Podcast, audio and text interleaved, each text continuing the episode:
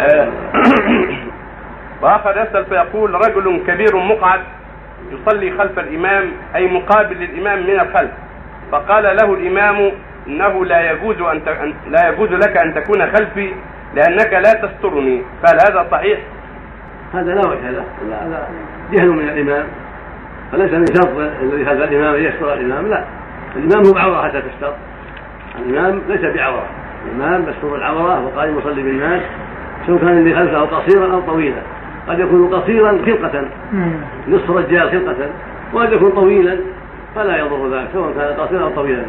وسواء كان قائما صحيحا أو مقعدا لعلة من العلل كالمريض يصلي خلف الإمام مقعدا لا بأس بهذا.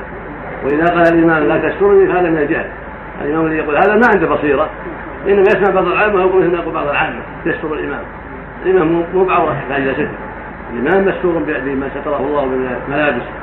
والمأمون لا يستر لو كان ما عليه ملابس ما ستره المأمون الحاصل إن هذا كلام عامي لا